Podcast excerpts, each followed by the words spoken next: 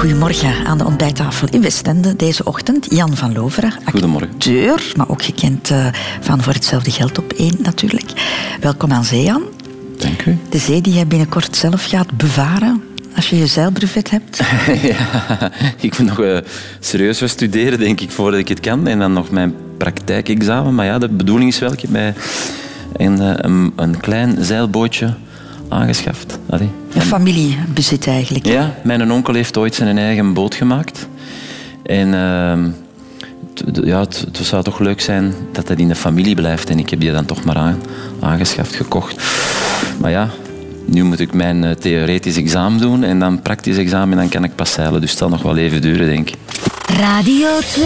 De Rotonde met Christel van Dijk. Jan van Lover, het leven als een rotonde, zo kan je het bekijken. Hè? Op een rotonde moet, een, moet je een afslag nemen. In het leven moet je dat ook regelmatig doen, privé en professioneel. Dus we gaan vandaag jouw parcours eens bekijken op dat gebied. Oei.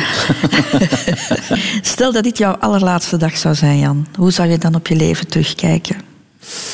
Het zou te vroeg zijn, uiteraard, maar goed. Ja, veel te vroeg. Uh, maar toch, uh, de beslissingen die ik gemaakt heb op die rotonde dan, de, de wegen die ik genomen heb, ben ik toch altijd... Heb ik, de keuzes heb ik altijd heel bewust gemaakt. Dus ik ben zeer tevreden. Mm -hmm. Ik ben zeer tevreden. Bewust gemaakt, dus dat is heel rationeel. Je hebt heel goed over nagedacht. Heel goed over nagedacht. Ik beslis altijd met een buikgevoel. Als ik een keuze moet maken, welke keuze dan ook in het leven, dat is een buikgevoel. En dat volg ik dan. En dat is zo... Ik denk, je kiest ofwel emotioneel ofwel rationeel. En ik kies altijd emotioneel. Dus dat wil zeggen, ik luister naar wat er het eerste bij mij binnenkomt, dat is meestal het juiste. Je vader heeft ooit eens gezegd, Jan is met de helm geboren. Een gelukskind. Klopt dat? Ja, hij heeft dat gezegd. Hè. Ja. ik... Ah ja, ik denk dat wel. Ik denk dat wel.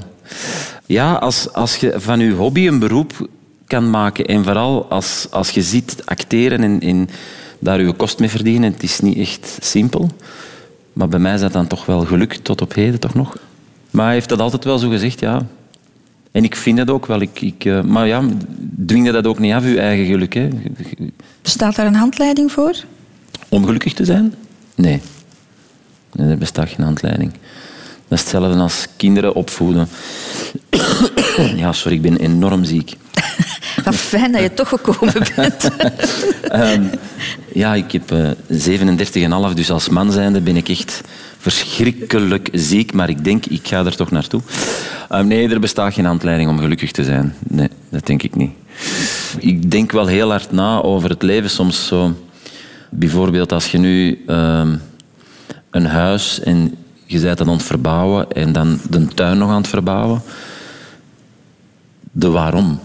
Waarom moet dat allemaal? Maakt mij dat gelukkiger? Zo die vragen stel ik tegenwoordig wel veel meer dan vroeger. Een marathon lopen maakt mij dat gelukkiger. Waarom doe ik dat? Wa wa waarom neem je die beslissing in het leven en, en wat brengt dat op? Allee, voor, van gelukkig zijn. Mm -hmm. Daar ben ik wel meer naar op zoek, ja. Jan, ja. jij bent bekend, dus je hebt een Wikipedia-pagina. Ja. Hm? Als we die op het internet openslaan, dan lezen we onder meer dit. Jan van Loveren, 1968, is een Vlaams acteur en televisiepresentator. Hij is vooral bekend als jury uit Trigger Hippie en diverse reclamespots. Dat is allemaal waar. Ja. Het gaat over Jan van Loveren die bekend en beroemd is, maar er is nog een heel leven daarvoor. Hè. Mm -hmm. En uh, daar ben je gevormd tot de persoon die je bent en daar lezen we niks over. Maar wij hebben Han Koeken en die zorgt ervoor dat die leemte opgevuld is. Jan van Loveren werd geboren in het gezegende jaar 1968 als derde kind in het slagersgezin van Loveren.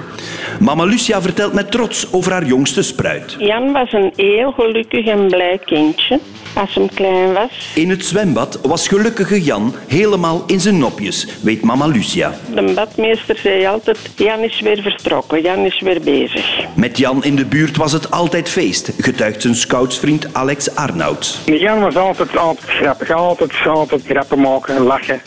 Alles was in, in, in het plezante getrokken. Of zoals jeugdvriend Koen Verheijen het verwoordt. Ja, hij was zo'n beetje ook wel, uh, ja, we moeten zeggen, een kloon. Die, die het graag uh, wat plezant maakte en, uh, en graag uh, zo'n beetje de, het toneel speelde. En ik was zo eigenlijk ook wel zo. Geen muurbloempje dus, die jonge Jan. Of zoals Alex het noemt, als hij zijn klep opentrekt. Dan luisteren ze allemaal, hè, want dan is dat wel goed lawaai. Maar onder elk groot lawaai schuilt een broos hartje. Zo herinnert Alex zich nog dat Jan bijzonder verdrietig was toen hij met zijn eerste auto tegen een paaltje had gereden. En natuurlijk, dat was hier zo'n wereld in ingevallen. Hè. Dat was echt, oh, zijn eerste auto. Jan de clown met de grote klep en het kleine hartje had van kleins af aan één grote hobby. En dat had mama Lucia al snel gezien. Altijd zo bezig zijn met toneeltjes of met van alles en nog wat. Dus toen toneelminnende Jan bij de scouts ging en het moment van het scoutstoneel was aangebroken, Ja, was Jan dan eerste voor, voor te doen, hè, voor te spelen. Maar helaas, toneelspeler werd in het gezin van Loveren enkel getolereerd als een leuke hobby. Vader Danny bezwoer dat Jan voor een echt beroep moest kiezen en zo geschiedde. De toneelspeler werd bakker, maar het spelersvirus bleef kriebelen.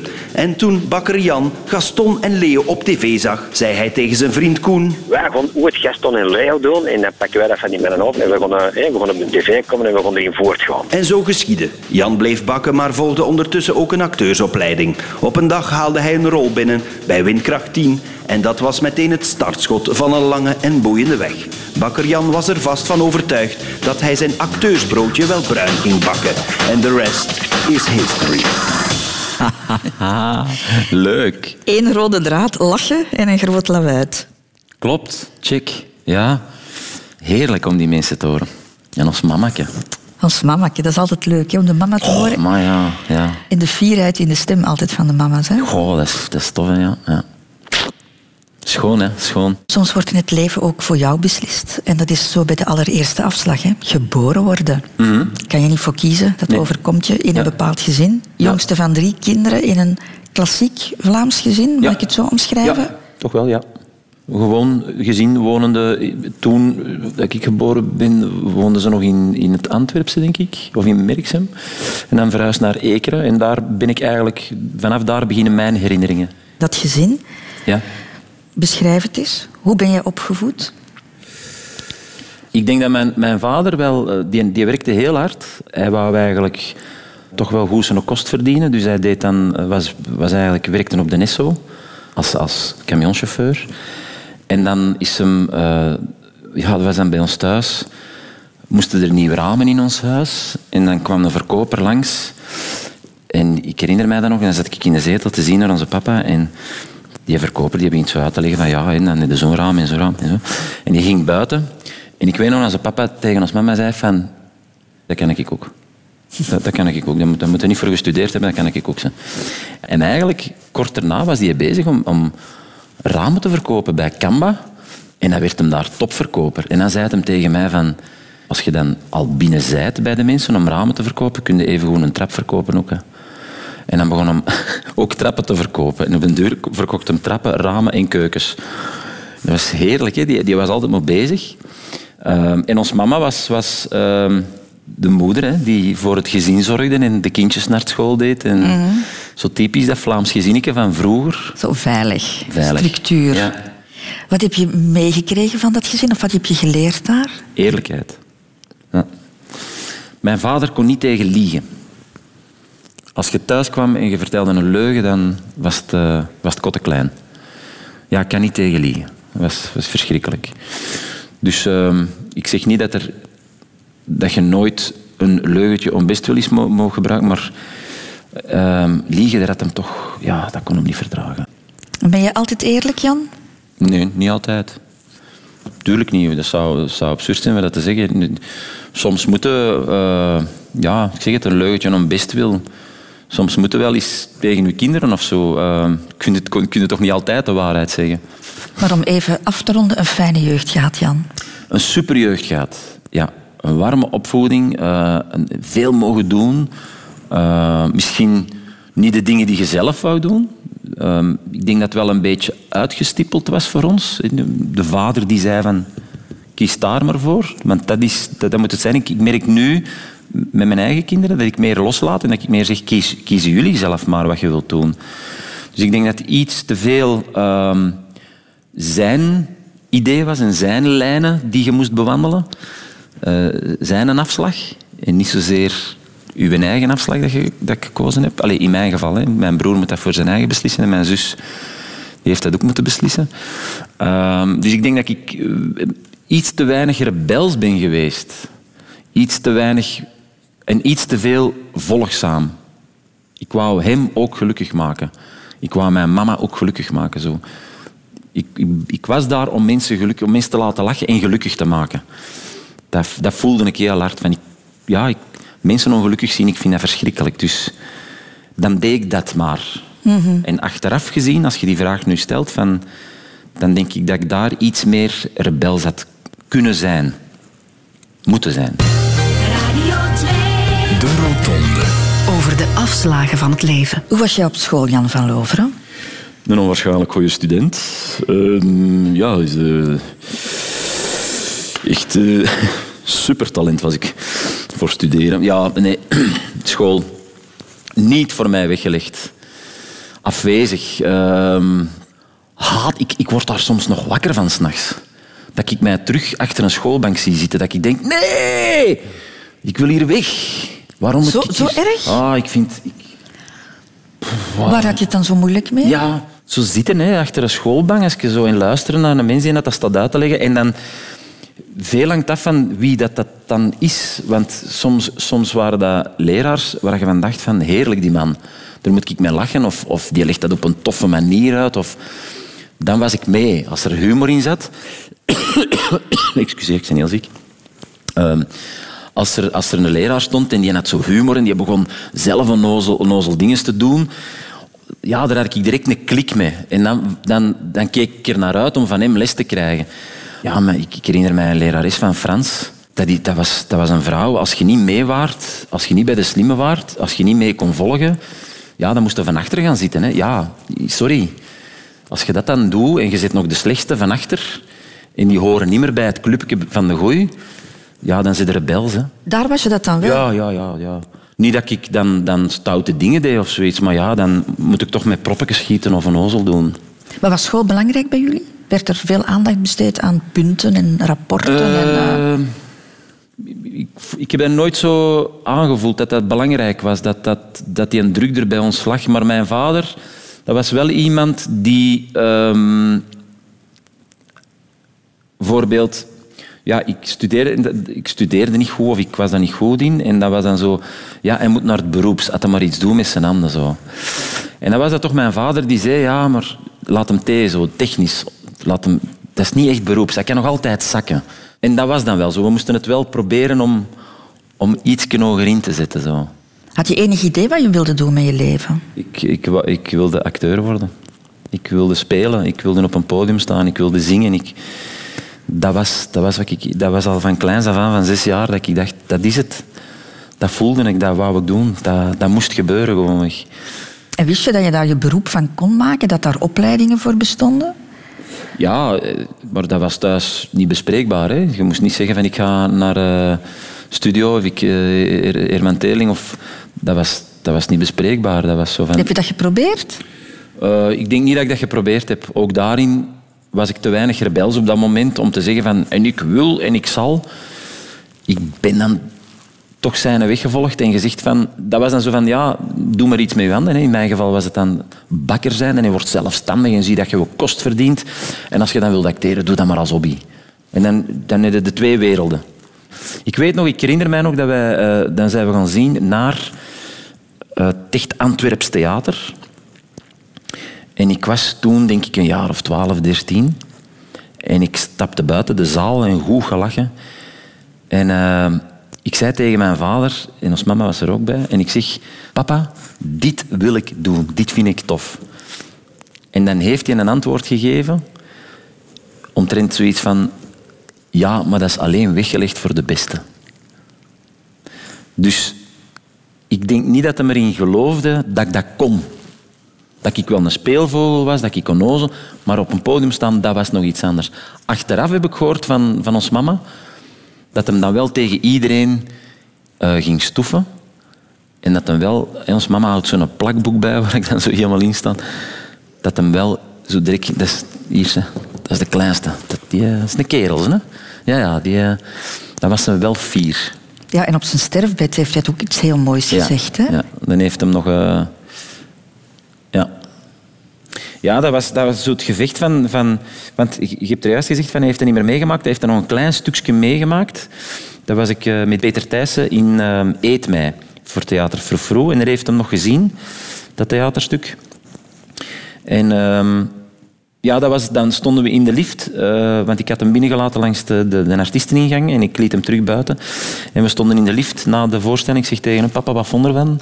Hij zegt, heel goed, jongen, heel goed. Wat duur moet jij nu gaan bakken? Want ik had toen de bakkerij nog en ik speelde. En dat was voor hem nog het belangrijkste. Je voelde dat, dat van, verwaarloosd dat niet. Want ja, dit is, dit is niet, geen beroep. Hè. Dat kan morgen gedaan zijn. Maar je hebt dat goed gedaan, je hebt dat goed gespeeld. En wat doen met gaan nu gaan bakken? En op zijn sterfbed ehm, kreeg hem, allez, had hem toch zo ineens van zie dat je een grote acteur wordt. Ja. En dan heb ik eigenlijk alles verkocht. Want ik had toen de bakkerij nog steeds. En um, dan heb ik de beslissing gemaakt van nu ga ik ervoor. Nu krijg ik zo... De zegen. De zegen van mijn vader van doe het maar. En dan heb ik alles verkocht. Heb ik toen tegen mijn ex-vrouw gezegd van hier stopt het voor mij. Ik ga volledig voor mijn carrière als acteur. Mm. En dan, dan was het echt voor mij... Dan had ik genoeg gedaan. Ik, ik heb hem genoeg gevolgd. En toen was het echt loslaten en verder gaan. En, en ik denk vanaf toen ben ik echt mijn weg gegaan. Heb ik echt mijn pad genomen en doe ik nog steeds nu. Je bent afgestudeerd als bakker, Jan van Loveren, en dan, ja, dan begint het echte werk. Hè? Je begint een eigen zaak. Ja. Serieuze investering, toch? 21 jaar ben ik gestart. Ik weet dat nog, dat was op een, een, een zaterdagavond of een zondag. Ik had een dag ervoor uh, was ik uit geweest. Ik had wat pinten gedronken. Ik was zo nog van... Hm. En er was een, een, een, maat van mij die vertelde... Ja, er staat een bakkerij te koop in Capelle. Uh, misschien moeten we daar eens gaan horen, want die mens die gaat ermee stoppen. Die, die heeft zijn blaffetuur dicht gedaan.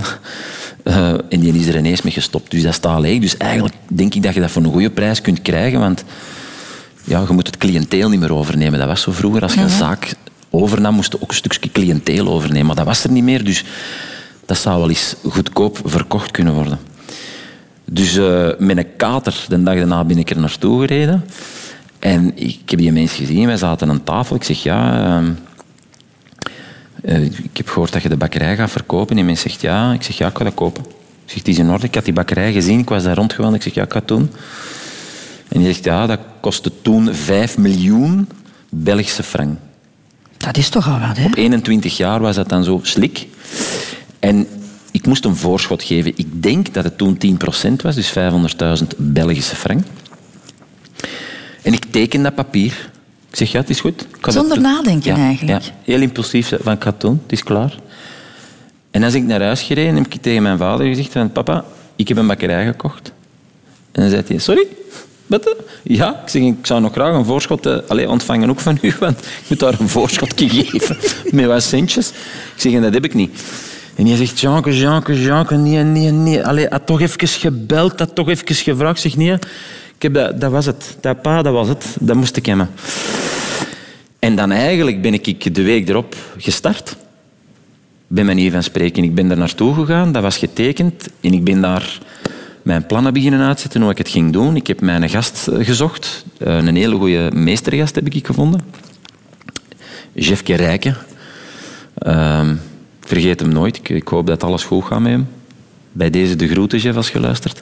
Een topkerel. Heeft mij enorm geholpen. Ik heb ook heel veel te danken aan hem voor die carrière als acteur te kunnen uitbouwen. Want je moest die twee dingen combineren, mm. de bakkerij en het acteren. Dus je moest iemand hebben die ook in die zaak dat wel bleef draaien. Zodat dat, dat van achter wel bleef marcheren. Dus hij was daar echt wel uh, mijn meestergast. En, en degene die had echt... Uh, het spelletje in, in doog hield als ik weg was. Maar op een bepaald moment had je zelfs zeven man in ja, dienst. Ja, ja.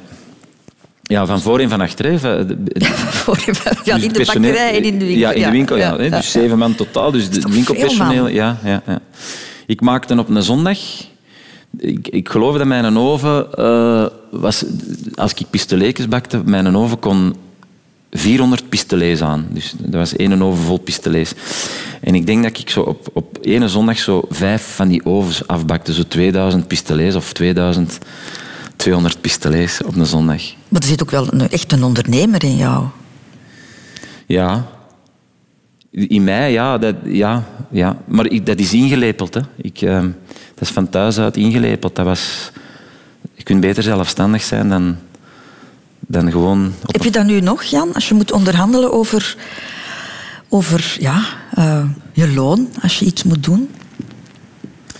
Ehm, minder dan vroeger, merk ik. Ik laat het sneller los. Vind ik niet goed, hè. Ehm, maar minder dan vroeger. Maar ehm, ja, alhoewel. De, de meesten zullen luisteren en zeggen... Leugener! Je bent wel bezig met geld. Ja, minder dan vroeger voel ik precies. Ik ben er niet zo, zo, zo niet meer mee bezig. Ik wil wel zekerheid, hè. dat is zo, dat wel. Dus ik denk wel na over centen en over eh, genoeg opzij bestaan. En voor mijn kinderen, hè, mijn vrouw bijvoorbeeld, die, die zegt van... "Goh, die kinderen moeten hun plan trekken. En ik, ik zeg, nee, nee, wij moeten een beetje opzij staan. Vooral mijn kinderen. Dat die ook een duiken in de rug krijgen als zij starten. Ik heb het ook gekregen en ik wil dat ook geven. Dus daar ben ik dan wel mee bezig. Zo. Maar bijvoorbeeld met pensioensparen, om een voorbeeld te geven, daar ben ik dan mee gestopt zo, zo op mijn zaak. Omdat je leeft nu. Je leeft niet in de toekomst, je leeft nu. De bakkerij, maar ondertussen speel je ook nog toneel. Ja. Dat ben je altijd blijven doen. Ja. Heel zwaar, maar ja, als, als je passie er ligt, als je dat wilt doen en je wilt dat, die zegt zoiets van, oh, ik doe het zo graag, ja, dan gaat het, hè. En je wou je vader niet teleurstellen, want je had die bakkerij dat goed marcheerde en, en je zegt van, ja, voilà, dat heb ik opgelost, happy. En nu ga ik voor mijn eigen pad kiezen en, en acteren, dus dat, dat lukte ook. En dan dacht ik van, ja, dan moet ik de twee goed doen, hè. Maar dat lukt niet. Je kunt niet de twee allebei even goed doen, dat gaat niet. Nee, want je volgt dan ook nog een opleiding. eh, Ja. Dus dat was werken, opleiding en dan nog op de set staan Ja. regelmatig. Ja. Zombie Jan van Loveren? Of, Ja, vier, vijf uur per nacht sliep ik dan. En dan gebeurt er iets waar, waar dat je dan toch de verwittiging krijgt van daarmee te stoppen. Of, ik heb een heel zwaar motoaccident gehad. Alle, alle geluk ben ik er goed afgestapt van die moto. Maar dat, dat is ja, gewoon in slaap vallen op een moto, dat is toch raar hè? dat je dat meemaakt. En ik heb dat dan meegemaakt op de expressweg. Gewoon door het rood gereden, op iemand op een andere auto gereden. Ja, en dat dan de verwittiging van tot daar dan. Verder kun je niet. Het lichaam is op. En dan de zegen krijgen van je vader en dan de bakkerij verkopen. En dan acteren. Radio 2. Over de afslagen van het leven. De Rotonde. Je eerste rol, Jan van Loveren, was in Windkracht 10. Hè? Hoe, hoe kwam jij daarbij? Ik bedoel, kende jij mensen in, in de acteurswereld die, die jou geholpen hebben? Of, of, of Nee. hoe, hoe- bel je gewoon naar de, naar de BRT? Of, of hoe doe je Ja, dat? en toen was inderdaad nog BRT. Dat is een, dat is een mooie anekdote. Dat was... ehm, ik ik eh, deed toen een eh, sport, kickboksen. Ik, ehm, ik heb jaren kickbox gedaan. En eh, mijn maat, de George, George Arundel... ehm, die was al lang bezig om, om acteur. Het was, was eigenlijk mannequin en... eh, eh, die wou dan ook zang doen en acteren. En die was er al lang mee bezig met daar in dat wereldje eh, ehm, zijn ding te kunnen doen. En die zei, we waren aan het trainen en hij zegt, oh Jan, op, de, op de BRT zijn er audities voor Windkracht 10. Hij zei, belt er naar, in, be- belt naar de BRT en, en, en het is voor edelfiguratie. De, de grote rollen zijn al weg, maar edelfiguratie, ik, heb het, ik ben binnen. Berenfiguratie, dan mag je een paar Ja, zinnetjes dan, moet, zeggen. dan, dan doe je wel mee met de grote mannen, maar af en toe krijg je een zinnetje. Dus ik denk, ja, als een George het zegt, niks is toevallig in het leven. Dus als hij dat zegt dat ik dat moet doen, dan moet ik dat doen. Dus een dag daarna, brood in de oven, ik pak de telefoon, ik heb een nummer gekregen van een BRT. ik bel ik. Eh, hallo, ik zeg, eh goeiedag. eh, ja, het naar het schijnt zijn er audities voor een nieuwe reeks, Windkracht 10. Eh, jawel. Ik zeg, ja, ik zou, zou ik daarmee kunnen meedoen? Zou ik mee die audities? En u bent... Ik zeg, Jan van Loveren. En u bent acteur? Ik zeg, nee, ik ben bakker. en dan zo, even zo stil, zo aan de andere kant. Hallo? Ja? U bent bakker? Jawel. Ik zeg, maar ik heb gehoord van George Arundel dat, dat, dat er dus audities zijn. Ik zou heel graag willen meedoen. Ah, zegt ze, is goed. Ik zeg, ja, blijkbaar zeggen mensen dat ik talent heb. En eh, ze zegt, ja, is goed, kom maar langs. Ik zeg, ja, dat is fantastisch. Dus ehm, ik, kreeg, ik kreeg toen nog een fax. Want dat was allemaal nog niet zo... Er was nog een fax binnen met hoe ik moest rijden. En, en ehm, allee, die dag, die audities zijn er. Maar ja, combinatie met die bakkerij. Ik moest nog een oven insteken en bla bla bla. Ik vertrek veel te laat naar Brussel. Brussel, ik kende dat ook niet. Dat was, het, dat was echt het uiteinde van de wereld. Ja, en het gebouw de VRT is ook al niet echt de, Toen de. VRT, dan kwam dan een bareel. En dan kreeg je daar een, een bladje. En dan stond er kamer 2L26. En dan zeiden die... Ben, zijn die hier al geweest? Nee. Dus je gaat binnen, ja, dan pakte de lift. Maar niet op drie drukken, op twee.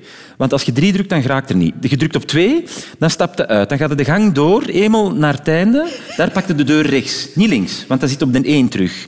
En dan stond daar... Oeh, ja, oké. Ik was al te laat. Hè. Ik was al veel te laat op de BRT. Een half uur, een uur. Uiteindelijk vind ik dan 2L26 of zoiets. En uh, ik klop op de deur, ik ga naar binnen en uh, ik meen mij te herinneren dat toen nog Andrea Kronenberg er stond en nog een paar andere acteurs en de regisseur. En ik zeg, goeiedag, ik kom voor de auditie. En die zegt ja. En die kijkt op zijn horloge zegt, is laat. Ik zeg ja. Ik, zeg, ik, ben wat later, dat klopt. Ik zeg, maar ik heb nog een, een, klein interview moeten doen hier op de RTB voor uh, mijn film. En die zegt, sorry? Ik zeg, ja, ja ik, uh, ik heb meegespeeld met Franse filmen, met Gérard Depardieu heb ik een Franse film gedaan. En die kijkt mij aan en die, die heeft zoiets van... maar ik ken u niet, hè? En ik zeg, jij kent mij niet, of wat? Zo, maar nee, weet je wat, laat het dan. Ik zeg, ik hoef al niet meer mee te doen. Voor mij hoeft het niet. Ik zeg, dat vind ik echt... Allee, dus ik kom hier langs, ik doe de moeite... En jij, je, je, weet nog niet wie ik ben. Ik zeg, laat het. Het is goed. Ik zeg, ik doe niet mee. Ik draai mij om. Ik ga tot aan de deur en ik kom terug. En ik zeg tegen hem, nee, ik ben Jan van Lover, ik ben een bakker. ik heb gisteren gebeld, of vorige week gebeld. Uh, ik zeg, ja... Ik zeg, ik ben te laat, sorry. En uh, ik zeg, dat is natuurlijk niet waar van dat interview. En die zegt, je hebt de rol, het is klaar. Het is in orde. Dus ik was er helemaal mee weg. lef, lef, lef. Goh, op dat moment... Uh, gewoon dat gedaan hebben zonder bij na te denken. Echt, zoals ik was in de scouts, die dingen deed ik dan. Zo, mensen altijd een klein beetje het verkeerde spoor. Zo. Maar dan zat je meteen tussen grote acteurs. Hè? Jean ja. uh, wie speelde daar nog allemaal niet mee? Bart Borgmans, Mark van Egem, uh, Huub Stapel. Huub Stapel. De, de man van Amsterdam, Amsterdam, Amsterdam, ja. En was dat niet iets wat jou imponeerde dan? Tuurlijk. Toen, jij bakker, je had geen opleiding gehad. Dat was ongelooflijk tussen die mannen. Maar dat was dan weer de volgende... Allee, dat was de volgende... Dat was, ja... Ik, ik weet nog dat ik toen een contract kreeg en in dat contract stond... Ik weet het bedrag niet meer juist, maar er stond 2500 Belgische frank voor die uh, rol, voor die edelfiguratie. En ik had 40 draaidagen, 40 of 60 draaidagen. Dus ik, ik, ik bel naar George en ik zeg, man, ik heb het, hè. Ik zeg, onwaarschijnlijk. Ik zeg, contractje is getekend. Wij krijgen er nog 2500 Belgische frank voor. Dat is toch geweldig? En je zegt, ja, dat is per dag, hè? Ik zeg, nee. Echt? per dag? Voor een paar zinnetjes te zeggen. Ik zeg, geweldig. Ja, dat, dat vond ik... Ik werd daar dan nog eens goed voor betaald. Want ik vond dat eigenlijk... Toen was dat goed betaald voor, voor een paar zinnetjes te gaan zeggen. En voor iets te doen wat ik heel graag deed. Dus ik kreeg een kans, ik werd ervoor betaald. En heb ik ook naar onze papa gebeld en heb ik gezegd van, jongen, je kunt niet geloven wat er gebeurd is. Je kunt dat niet geloven. Ik, zeg, ik zit in een reeks van een BRT. Dat was super, hè. En dan het leuke, dus s'morgens, als je gaat acteren, dan uh, um, wordt er altijd zo op de set kofkoekjes voorzien en zo van alles. Voor de acteurs die s'morgens moeten komen. Een rozijnenbroodje, kofkoekjes en zo van alles. En dan dacht ik, ah, oké, wacht even, het mes zou wel eens kunnen snijden langs twee kanten. Dus ik had dat dan zo van, ja mannen, allee, als het niet, niet stoort, wil ik die koffiekoeken leveren. Hè? En op de duur had ik dan zo lijsten gemaakt. Zo met uh, lang wit gesneden, lang grof gesneden. Zo. En dan konden die acteurs zo invullen dat ze, wat ze nodig hadden. En dan kwam ik, kwam ik met een zakje zo van, ja, dat is voor u, dat is voor u, dat is voor u. Je speelde in uh, Windkracht 10, mm -hmm. je speelde ook mee in, in, in Kaat en Co. Maar kan ik zeggen dat je echt bekend geworden bent door uh, door de jury. Ja, dat, dat was een succes. Hè. Dat was, ehm, Dat is ongelooflijk, hè? ja, dat was ongelooflijk toen die tijd. Wist je dat meteen, dat je iets in handen had wat, wat goud was? Nee, want je weet dat nooit op voorhand dat dat zo'n succes gaat zijn. Dat, dat, dat kun je niet voorspellen. En dan zelfs dat typeke de jury. Dus er werden sketchjes geschreven en dan was dat op een zeker moment van ja... ehm goh ja, Jan, een security guy op een boot die dat zo op de meest onnozele manieren altijd voor de veiligheid zorgt. Maar bijvoorbeeld eh, ja, op de zeedijk ontwandelen en, en je zegt ja, ik zorg hier voor de veiligheid, niet te dicht bij het water lopen. Als je wel dicht bij het water loopt, ik haal u eruit, ik los dat op op mijn manier. Zo onnozel is dat. Dat is echt iets voor u. Jij zet die een bree, jij moet dat doen. En ik, eh, ik zat thuis en ik zeg tegen Els, ik zeg ja, ik moet... eh, binnen een paar dagen moet ik zo in Brugge op een boot een security guy gaan spelen. Ik zeg, ik moet een naam hebben. Zo. En zij zegt, ja, pak gewoon een Vlaamse naam. Ik zeg, wat is een Vlaamse naam? Ja, de Jury of zoiets. Ik zeg, ja, dat klinkt wel goed, de Jury. En dan begon ik zo van, hé. En dan, zo, dan zei ze van, moet jij nog iets drinken? Wow, wow, wow, wow, wow. Ik ben de Jury. Ik wil aangesproken worden als de Jury. En dan ai. En dan deed ik dat bootje in Brugge. En dan vond iedereen dat hilarisch. Maar dan weet je nog altijd niet dat dat zo succesvol was zijn, zo. dat typeke. Ja, want het was enorm succesvol. Hè? Allee, je hebt daar goud van gemaakt. Hè? Je hebt er ook heel veel acte op de présences mee gedaan. En Ja. ja, overal denk ik, heb ik dat met dat typje. Ja, dat was dan zo. Hè, van, als je dan spreekt over eh, commercieel en, en toch geld en toch nadenken en waarom zouden dat laten liggen dan zo? Die centen die, die liggen daar voor u. Hè. Mensen willen u, die willen daarvoor betalen. Dan denk je, ja, waarom niet? Wat doe ik er, wat doe ik er mis mee? Zo, nou, dat is een typeke. Dat is nog niet Jan van Lover. Dat is een typeke dat ik in discotheken ga, doen. En ze willen mij daarvoor betalen. Alright, ik zag dat hetzelfde. Of ik deed een theaterstuk waar ik mij ook in een kostuumetje moet, moet eh, zetten om, om, om dan uiteindelijk een theaterstuk te gaan doen. Dat speelt ook een personage en er wordt er ook voor betaald. Dus. Maar het gevaar bestond misschien wel dat je voor eeuwig met dat typetje geassocieerd zou kunnen worden. Hè? Dat gevaar, ja, ja, dat gevaar bestond wel, maar hm, ehm, het is mij dan toch gelukt om daar afscheid van te nemen, persoonlijk. Hè?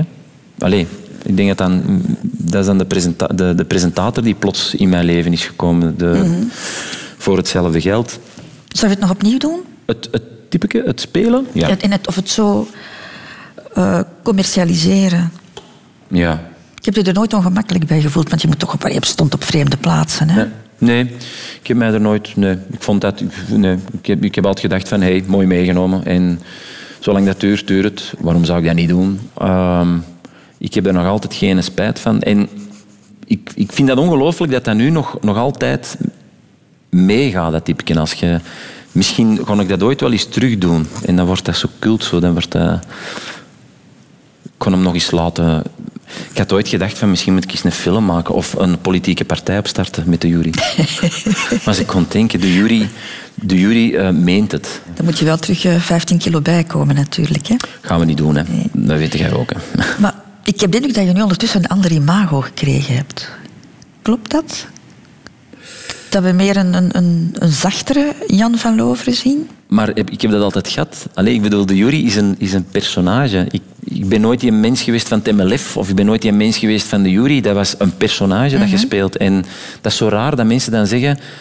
Ja, jij waart dat? Nee, ik was dat niet. Dat was iemand anders. Maar je doet die jas aan, je zet die een bril op en je zet je stem lager. Alright. En je zet de jury. Maar ik kwam niet thuis en ik zeg... Maak eens een boterham. Alsjeblieft. En een glas water. Ai, dat, dat doe je niet. Dus ik was dat ook niet. Ik was ook niet thuis. Ene die net zei, ik wil aangesproken worden als de Jan. Nee. Ik was toen ook wie ik nu ben. Ja, maar zoals je zelf al gezegd hebt, je bent nu ook presentator geworden Ja. hè, van Voor Hetzelfde Geld. We hebben jou ook gezien eh, op weg met Jan, waarin Ja. je toch eh, diepere gesprekken voert. Was dat ook een keuze om die weg in te slaan? Ja, ehm, je wordt ouder, ehm, maar mijn interesse is veranderd, denk ik zo. Als dat, komt op uw weg ook, hè, van presentator. Dat, ik heb dat niet gewild, dat is, dat is mij gevraagd geweest. Er is een auditie gedaan op de VRT. En ze hebben gezegd, wilde dat eens proberen. En ik dacht van, why not? Dat is, dat is toch weer iets nieuws dat ik kan leren. En als ik het niet doe, dan weet ik niet of dat het gaat of niet gaat. Dus ik kan dat maar eens proberen. En als ze zeggen, het was niet goed, oké, dan weet ik dat, dan moet ik dat niet meer proberen. Dus ik deed dan die auditie samen met Brit en Thomas. En een week daarna kreeg ik telefoon en die zei van ja, wij gaan dat, wij gaan dat doen met u.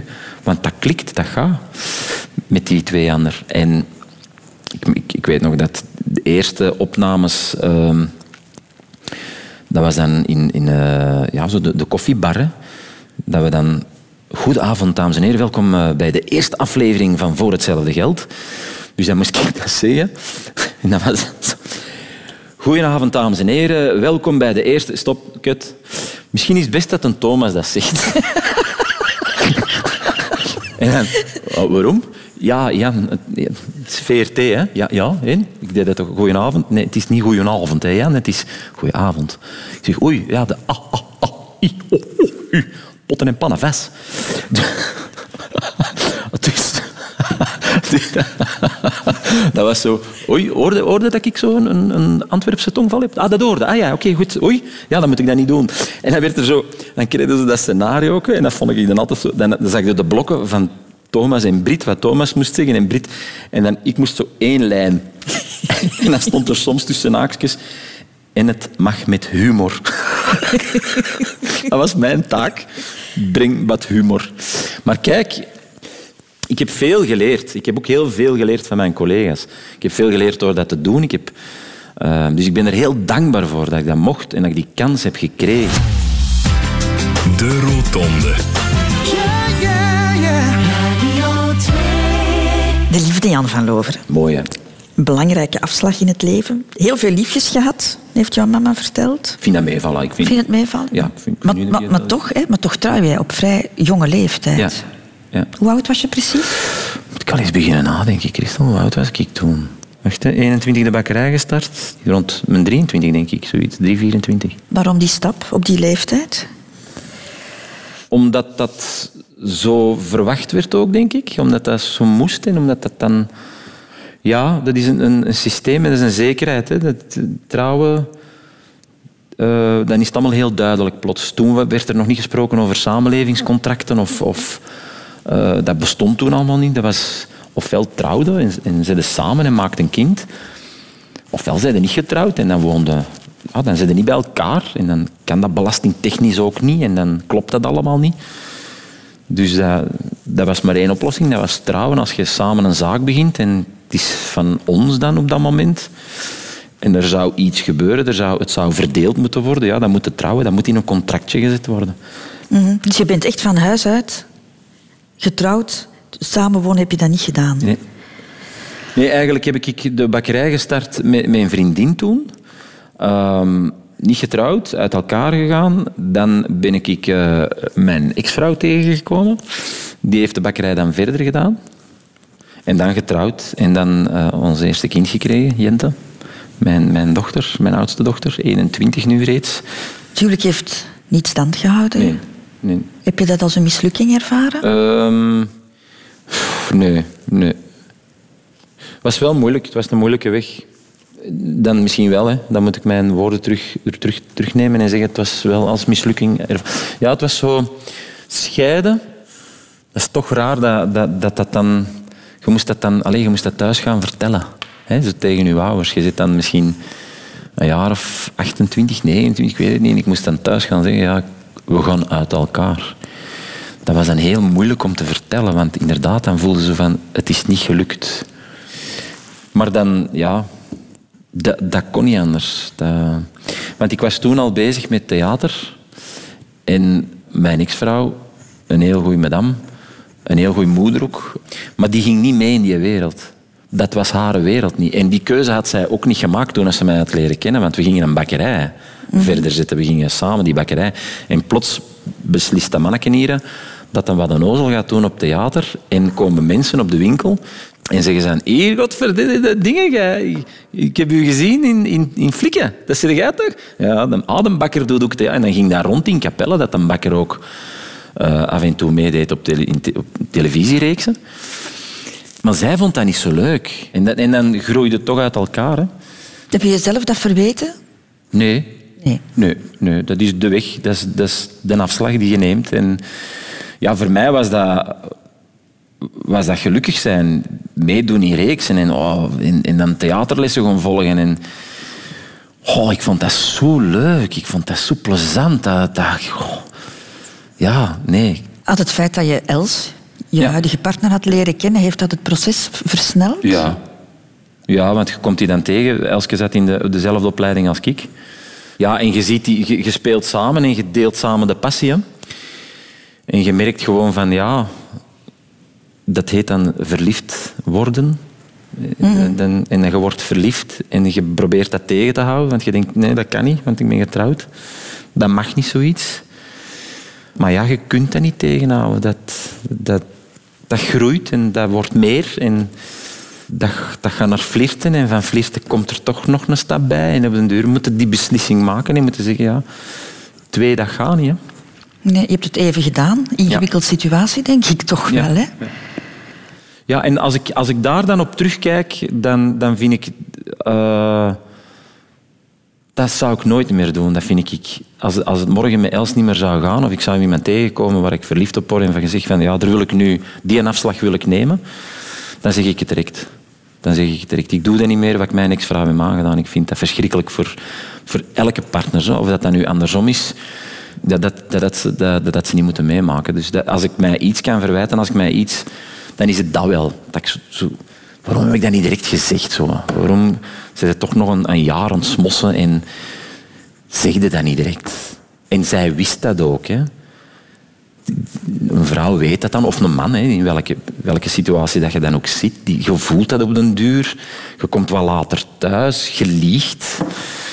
Ehm, dan, dan nog een leugentje en dan nog een leugentje. En dan op den duur zegt ze, met wat ik dan er straks gezegd heb, van, ja, wij hebben dan geleerd om toch de waarheid te zeggen, om, om niet te liegen. Dus alles voelt slecht aan. Dat moet een, een rare periode geweest zijn. Van de ene kant ben je dan, Verschrikkelijk. ben je dan verliefd en, en, en, en, Ja. en aan de andere kant zit je dan toch met een heleboel gewetensproblemen, Ja, toch? ja. Van, ja. Verschrikkelijk is dat.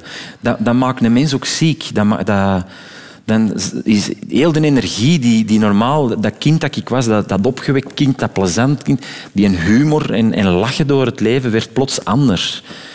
Dat werd ingewikkeld, dat werd een systeem, dat moest... eh, je wordt daar zelf heel moe van. En ehm, dat is zo stom ook. Maar toen, in die tijdsgeest, ja... Nu, hè, de, de, de helft van, van, van de klas van, van mijn kinderen ja, zijn de ouders gescheiden. En er, is, er wordt niks meer over gedaan. Als je zegt, ah, we gaan het hier... Oei, ja, oei, dus ging het niet meer? Nee, oh, oké, goed. Maar Dat was zo. Maar toen, als je dat nog zei, van ik, wij gaan het heen, ja, dat was nog allemaal zo van... Hoe gaat het heen? Ja, maar probeer die eens eerst. Goed, is nou, nou een, een therapeut of zo met twee, hè, een relatietherapeut. En probeer toch wat. Oh ja, oké, goed. Ja, maar het gaat niet goed. Nou, nee, we zijn niet zo gelukkig niet meer. Jawel, blijf toch maar bij elkaar. Dat was zo. hè. Mensen bleven dan bij elkaar, ook al waren ze ongelukkig. Maar uiteindelijk heb je dan toch de knoop doorgehaakt. Het moest, Christel, het moest. Het vrat mij van binnen helemaal op. Het was, ik was niet meer dat Jantje. En ik ben blij dat mijn ex-vrouw dat vergeven heeft. Want ja, wij hebben nooit geen ruzie gemaakt, denk ik. Er zijn wel wat woorden gevallen, maar zo echt... Als ik, eh, als ik haar, haar kan bedanken, dan is het toch wel daarvoor. Zo. Dat, dat, dat, ik was het, hè. En, en zij heeft mij dat kunnen vergeven en zij heeft, dat, vind ik, dat vind ik heel sterk ook. En dat vind ik wel heel schoon. Nog een heel belangrijke afslag in het leven, Jan van Loveren, dat is kinderen. Hmm. Jij hebt drie dochters, één uit je huwelijk en eh, twee met, met Els. Hè? Maar dat was voor jou niet meteen een uitgemaakte zaak, heb ik begrepen, dat, jij nog, dat jij nog kinderen wou. Nee, ons Jenteke, ehm, die, die was er dan al. En dan met Elske samen. En Elske wou dan ook kinderen. En dat was zo... Ja, want je, oudste dochter was een jaar of elf, denk ik. hè, Ja, Toen, toen... ja. Dus ehm, ja, en dan terug starten. Hè. Terug in de pampers. En, en ik dacht, nee. Plus, ik, ik was toen al echt goed aan het acteren. Ik had, ik had mijn job, ik had mijn carrière. En ik denk, ja, met kinderen beginnen en, en oh, oh, oh, wacht even. Dat gaat niet. nachten, die tandjes, Die- die- die- En thuis blijven en zo van alles. De... Nee, nee, nee. Maar ja, als een kinderwens van, van iemand die je graag ziet, moet je dat dan zeggen van dat gaat niet? Moet je dan... wat ik vind, is dat je dan heel goede afspraken moet maken. Dus als er mensen, jonge koppels, over kinderen beginnen, genoeg over, over praten. Wat doe je wel, wat doe je niet, wat wilde, hoe, hoe gaat het doen? Hebben jullie dat gedaan, een soort van, dat- ja. van, van contract opgesteld? Ja? En, en dat is heel raar als je dat doet. Als ik tegen Els zei van... Schatje, oké, kinderen, maar pamper vervangen, zie ik niet goed zitten. Ze. Ik zeg, ik hang altijd vol. ik zeg, dat gaat niet. Ik zeg, die klein, ik hang meer vol dan die kleine altijd. Ik zeg, dat gaat niet. Ik, dat, dat, ik zeg, dat toen ik niet geer en ik, dat, dat is niks voor mij. En dan zei ik dat ook. Ik zeg, er moeten we een beslissing in nemen. Dus als jij thuis bent, jij vervangt de pampers. Punt. Ik zeg, dat, ik, zeg ik, ik speel met de kleine mannen, maar jij vervangt de pampers. En dan zeg dat is goed. Dat is goed. En dan zaten we dikwijls aan tafel en dan zo, ah, je kent dat, je zo ineens iets ruikt en je zegt van, oei, ik denk dat Liloke in haar broekje gedaan heeft, schatje. En dan werd er zo gezegd, ja, doe jij het, Jan? Ik zeg, nee, nee, Els gaat het doen. En dan is zo, zeg, doe jij dat eens? Nee, maar wij hebben een afspraak dat als zij thuis is, dat zij het. Mensen vonden het dan raar dat je er een afspraak rond gemaakt hebt. Daar is toch niks mis mee? Ik zie die kleine daarom niet minder graag. Dus en wij waren zo echt... Ja, ik denk dat ik heb altijd tegen Els wel gezegd van... Oké, kinderen, maar weet dat mijn carrière heel belangrijk is. Want ik, ik heb zo hard gevochten en zo hard gegaan voor te staan waar ik nu sta. Als acteur, als, als mens. En de kinderen mogen dat niet... niet allez, dat, dat mag daar niet in de weg staan. Zo. Dat, dat, en nu dat ik ze heb, mijn drie kinderen, zou ik nooit meer anders willen. En, en ben ik zo blij, dat, want dat is een onvoorwaardelijke liefde. En dat komt in het leven maar zelden tegen, een onvoorwaardelijke liefde. En dat is alleen maar van je kinderen gewoon weg. Was het moeilijk om, om de twee werelden te combineren? Nee. Dus de, de ene dochter met de andere mama? En... Nee, dat is allemaal heel vlot gegaan. Daarin ook eh goede gesprekken doen. Ehm, eh, wij hebben nooit ons Jente verplicht een soort een co-ouderschap. Dat was bij ons niet. Wij hebben altijd gezegd, het kind beslist zelf. En die had, ja, Jentke had haar, vrienden en haar, haar, de scouts in Ekeren, school, allemaal in Ekeren, in Capelle. Dus waarom zou ik zeggen, nu moeten naar mij komen een week om dan vervolgens de bus te nemen naar, naar Ekeren terug, dan bij mij zitten en uw vrienden toch in de achter hebben. Wat nut heeft dat? Dus ik had vrij snel beslist van laat die maar bij u. En als die naar mij komt, omdat het niet anders gaat, dan komt ze naar mij. En is dat eens een week of twee weken achter elkaar ook goed. Dus wij hebben, en die is vrij snel mee opgenomen in dat gezinnetje. En, en dat, dat was eigenlijk nooit een probleem.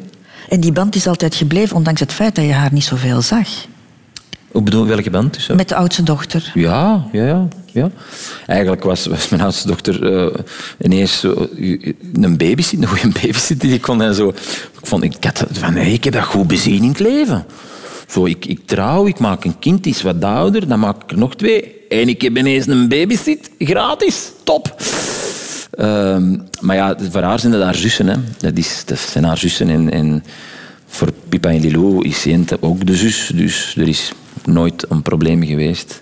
Ik vind dat soms erg dat ik dat hoor van mensen, dat er zo vechtscheidingen zijn en waar dat de kinderen dan uitgespeeld worden. En, en van nee, dat ik denk, oh, doe dat toch niet met die kleine mannen. Ben je een andere papa? Je bent een oudere papa nu, hè? Dan bij ons Jente? Ja. ja. Ja, toen had ik de zaak in acteren en vooral voor mezelf mijn carrière uitstippelen. En dan krijg je een kind en dan is zoiets van, ja, maar ik ben toch nog aan het gaan. Ik was zelf nog een kind, vond ik. Zo, ik, was, ik was nog speels. Ik, ik, ben nog altijd die speels, die, die, die vader die een onnozel doet. Ehm, maar ik ben wel een andere papa. Ja. Ik, ehm, als ik daarin de weg terug mag, als ik iets terug kan doen, is het er meer zijn voor mijn Jente. Ja, voor mijn oudste dochter. Die, dat, maar dat is ook, ja... ehm, dat heb je niet te kiezen, dat komt op je pad. En dat gebeurt allemaal. En achteraf is het gemakkelijk, als de kaarten op tafel liggen, kan je zeggen van... eh had ik maar iets meer aanwezig geweest of zoiets. Maar Radio 2. De Rotonde. En dan eh, staan we nu voor de pijl naar de allerlaatste afslag, Jan van Lover, en dat is de dood. Je papa is er maar 61 geworden, Jan. Ja. Lang ziek geweest, hè? Eigenlijk eh, niet zo heel lang. Ik denk acht maanden, dus het is vrij snel gegaan. Ja. Ja, stom hè. Dat is zo... Waar we, denk ik, allemaal nu wel uh, mee geconfronteerd worden in, in, in, in de vriendenkringen. Ik bedoel, vroeger was kanker zo, dat was Suzanne van de, de gazettenwinkel van het dorp. Van, niet van Ekeren, maar van, van Schoten. Die had kanker. En dat je dan zegt, oh my, oei, ai. Maar nu, als je dat hoort, oh, dat is... Ik denk, Christel, dat ze ons toch serieus wat blazen wijs maken hier. In welke zin? Ja, voeding en... en, en ik denk dat wij... Dat, ja, dat wij niet alles weten. Als je dat nu hoort, dat, dat vleesschandaal weer. Er wordt verdorven vlees gemengd onder andere vlees. Wij, wij vinden dat allemaal oké. Dat is niet erg. Wij eten dat op en wij, wij komen niet op straat. Wij vinden dat goed en wij krijgen kanker. Mm. En dan denk ik, moet er nu eens niet... De jury, hè? ik zeg het, de jury moet een politieke partij... Het moet gedaan zijn. Die mensen moeten gestraft worden. Dat is niet oké. Je speelt niet met de gezondheid van andere mensen.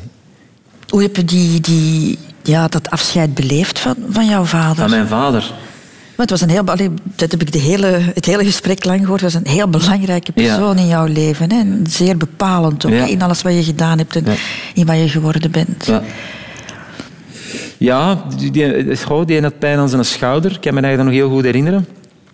En hij zegt, ja, ik heb pijn aan mijn schouder. En eerst was het zo, het zal wel een, een, een soort uh, spierverrekking of een, een, ontsteking aan de pezen zijn.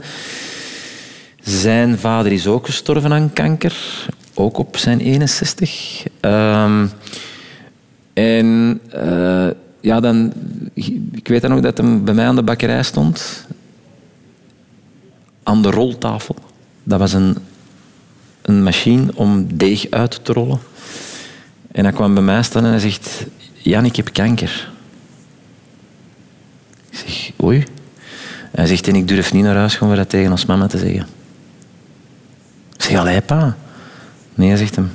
Het ziet er niet goed uit. En dat dat hem zo. Die, die, die zag het dan altijd direct zwart ook. Zo. Heel pessimistisch en zo het ziet er niet goed uit. Ik zeg, jawel, jawel, kom aan. Eh, ze kunnen dat tegen. Ze kunnen al veel, hè. ze kunnen echt al veel. Maar dan was hem toch al afscheid gaan nemen op het bedrijf waar hij werkte. Zo van iedereen een hand gaan geven en zeggen, de Danny gaat dood. Dat is raar, hè. Die, die zei het ook, hè. Het is gedaan met een Danny. Zo zei het hem dat. Het is gedaan met een Danny. En dan zeiden wij, nee, nee, kom aan, vechten. En papa, je moet hier niet... Nee, nee, het is gedaan met een Danny. Het is, het is op, het is, het is... Dus er kon wel openlijk over gepraat worden? Ja, en die was er ook heel hard in. Zoals hem... Die zei ook van, je moet mij niet begraven, je moet mij niet... Uh... Het is goed, Danny is weg, je moet niet meer terugkomen. Ik ben weg, strooit mij maar uit ergens. Ik waai weg en ik ben weg. Ik, ik, ik uh... kom van niks en ik ga naar niks. Zo rationeel? Ja, dat is heel duidelijk. Dat, is dan, maakt het misschien wat moeilijker om dan, als je niet gelovig bent, of, of ik heb dan die opvoeding gehad, wel, wel katholiek, zo, alleen wel, maar ik, ik, ben niet gelovig. Ik, ben, ik geloof niet dat er nog iets anders is hier. Ik geloof wel in energieën, maar niet. Ja, dan, dan heb je maar één ding en dat is, uh, hoe neem je dan afscheid? Hè? Als je niet meer gelooft van we komen elkaar nog tegen dan is het op dat moment dat het moet gebeuren. Hè. Maar je gaat elkaar nooit meer terugzien. Mm. Wat is er nog te zeggen en wat moet er nog allemaal gezegd worden? En dan, ja, we hebben wel nog gesprekken gehad, maar het was ook daarin. Hè. Zit je dan bezig met je carrière en met je ding in je leven. En voor mij, ook al was die een 61, was dat ergens normaal op een zeker moment moet uw vader afgeven. Dat is, mm. dat is normaal. Je hebt het vorig jaar, eind december, ook meegemaakt met jouw zus. Ja. Nog jonger, 50 jaar. Ja, verschrikkelijk. Ja. Echt verschrikkelijk. Je bent die zo gezond leven ook nog. Ja, zij, had, uh, zij was diabetes en ze moest heel gezond leven. Hè. Ze moest uh, echt op de voeding letten. Dus als er iemand waar ik van dacht dat, dat, dat die het echt uh, lang zou uithouden hier, dan was zij het wel zo. Ik denk niet, Marleen wordt 100 jaar sowieso. Dat was ook altijd een heel rustige. Dus van stress kon ze het niet hebben. Of ik zou het niet gezien hebben. En dan, uh, ja, borstkanker. Uh, Dat was dat uitgezaaid. Ja, dan was er een celletje ontsnapt naar de hersenen. Dat was een hersentumor, driemaal geopereerd aan hersentumor. En in het begin, de neuroloog en zo, was allemaal heel positief en het ging goed komen en, en ze zagen het allemaal heel positief in. En ons Marleen ook, maar het heeft niet mogen zijn. En de derde keer na de derde operatie werd er dan toch gezegd van... Er is niks meer aan te doen. Zo. Dat moet een verschrikkelijk afscheid geweest Ja. zijn. Een zus zo jong. Ja, ja dat was echt... eh, dat, bij mij heeft dat wel... Het is, het, is, het is nog niet zo lang geleden. Ik denk altijd, welke boodschap krijg je van het leven? Hè? Zo, dingen die gebeuren in je leven, dat zijn boodschappen dat, dat moeder natuur aan u geeft. Zo, van, wat leert je ervan?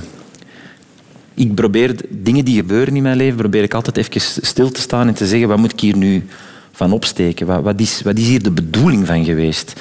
Voorbeeld, als mijn vader gestorven is, was de boodschap, ik moet voor mijn carrière gaan. Ik stop met de bakkerij, ik moet voor mijn carrière gaan. Dat was de boodschap. Dat was wat hij zei ook van, zie dat je een goede acteur wordt. Dus en ik sta nu in mijn carrière, op dit moment ben ik vrij goed bezig. En als ik dan terugkijk, dan denk ik, ah ja, dat, toen heb ik die beslissing gemaakt, omdat hem toen gestorven was. En, en mijn zus is gestorven en ik dacht, wat is hier de boodschap van? Wat moet ik daarvan opsteken? Dat is zoveel verdriet. En dan dacht ik, ik moet nog harder leven. Ik moet nog meer in het nu leven. Dat is de boodschap. Dus en ik ben dat ook aan het doen. En ik, nog meer de beslissingen die je neemt, heel bewust. Zo van, doe ik niet, doe ik wel. En niet meer beginnen nadenken van, ja, ik moet het nog doen omdat iemand... Nee, ik doe het niet. Dat, nee, of ja, dat doe ik wel. En whatever dat ze dan over u denken, of, dat maakt niet meer uit. Dat, want het kan snel gaan, dus...